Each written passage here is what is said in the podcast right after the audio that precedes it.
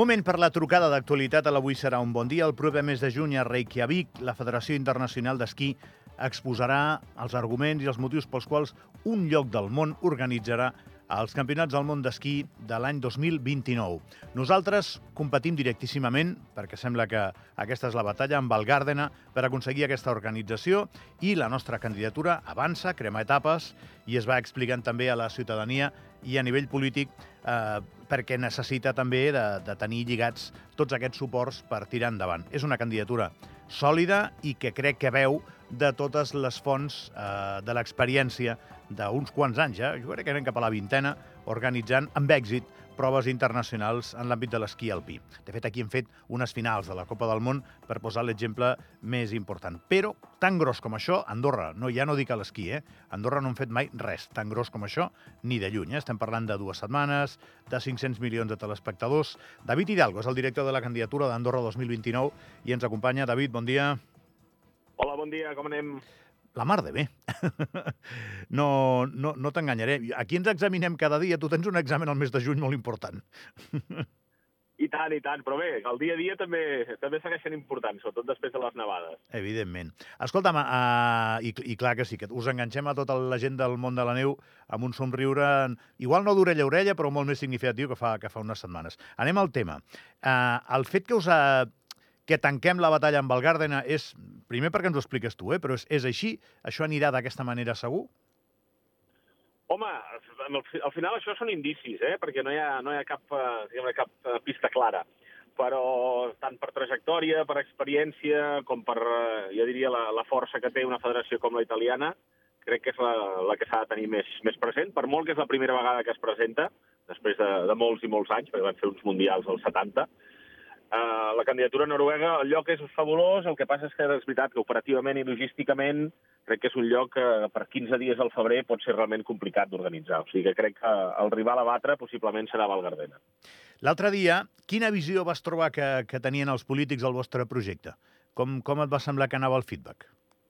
Mira, jo crec que al final aquest és un projecte que, com que és transversal i és de tot el país, doncs eh, tothom hi està d'una manera o altra a favor, no? perquè és que és, és difícil trobar-hi algun però, perquè tens una oportunitat, diguem de projectar el país a nivell internacional, que no et costa ni un euro de, de les arques públiques, al contrari, que aporta doncs, eh, un finançament extern que d'altra manera no tindríem.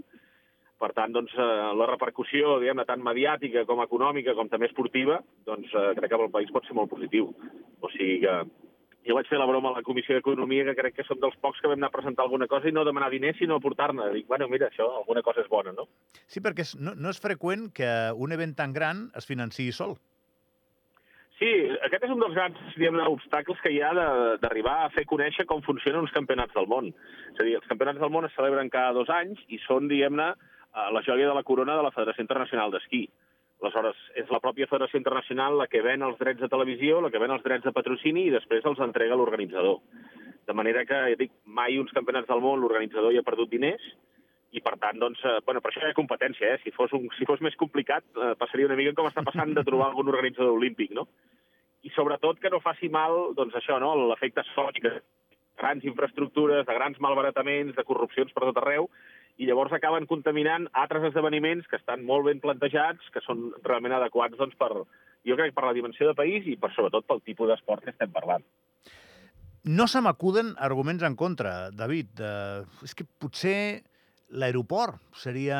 És, és que, la veritat, hem demostrat, eh, i, i tampoc perquè estem parlant de situacions de muntanya que no tenen un aeroport exactament a la vora, no? No sé com de lluny no, està Valgardena d'un aeroport. Rivals, Mira, nosaltres vam ser ara no fa gaire a Valgardena i per anar a Valgardena has de volar a Venècia, llogar un cotxe i fer 3 hores de cotxe Veus? en unes carreteres que, que són bastant de mal son, eh? Re, eliminem l'aeroport. Que... Sí, sí, no, no... És que, és, eh, doncs mira, reformulo, David, reformulo la pregunta. No se m'acuden arguments en contra. Per què no hauríem de guanyar amb tota l'experiència acumulada d'aquests anys? Simplement per un pur concepte de prestigi, de reputació italiana, de força del lobby? Seria això i ja està, no? Aquestes decisions tenen un component polític, jo diria, del 99%, és a dir, hi ha contraprestacions de, mira, jo, tu em votes avui, però l'any que ve jo et votaré pels campionats de, què sé jo, de, de nòrdic o aquella competició que vols fer de snowboard que necessites ajuda. Uh, hi, ha, hi ha molts, uh, diguem-ne, molts favors a, a aquests nivells, no? Llavors, tu pots tenir una candidatura que tècnicament és la més sòlida i possiblement doncs, la, la que té un, una trajectòria recent doncs, de, de, de més èxit, malgrat ja et dic que Valgardena, evidentment, fa 50 anys que ho fan, però potser aquest és el seu gran enemic, que fa 50 anys que ho fan i què pots aportar de nou, no? I realment la nostra sensació és aquesta, que no aportarien res de nou. Jo crec que de tant en tant, per la fi, s'ha de sortir de centre Europa i donar oportunitat a que sigui realment un esport global. Home, totes les federacions de tots els esports a nivell internacional, l'olimpisme també apliquen aquell criteri d'universalitat eh, en el màxim denominador comú possible, no? que, que mantingui uns estàndards organitzatius. I eh, si diuen la veritat, eh, crec que ens toca. Sí, mira, sí, si fem una mica d'història, el 2021 va ser Itàlia el 2023 França, el 2025 Àustria, el 2027 Suïssa. Ara que hem de tornar a posar el comptador a zero i tornar a començar a centre Europa, eh, si volem que sigui un esport realment mundial i global, jo crec que s'ha d'anar sortint eh, de, de l'àmbit europeu. Cada 3, 4 campionats del món, doncs una a Nord-Amèrica, una a Àsia, una a Sud-amèrica, per què no, Oceania, o una altra, diguem cadena muntanyosa com poden ser els Pirineus. A veure, i, i ara explica'm, i els oients, òbviament, David, eh, sense entrar en el que no es pot entrar, perquè això està prohibidíssim, que és doncs, en els eh, privilegis, eh, suborns encoberts, etc, que això ja està perseguidíssim a tot arreu. Tu com pots fer lobby d'aquí al juny perquè la gent que vota, que són molt poquets, eh, eh estiguin doncs, eh, ben assabentats de les virtuts del nostre projecte? Mira, nosaltres fem, jo diria dues, dues línies, no? Una, que és el, el treball de formigueta, doncs informant contínuament, de manera directa, doncs, eh, tant a través, diguem-ne, de nostre, amb el contacte directe que tenim amb els membres del Consell de la FIS, com també amb la presència, en aquest cas, doncs, del Patrick Tossent al Consell, que això és, no només diria molt important, sinó clau, doncs que, que tinguin informació de primera mà doncs, a totes les accions que es van fent, no?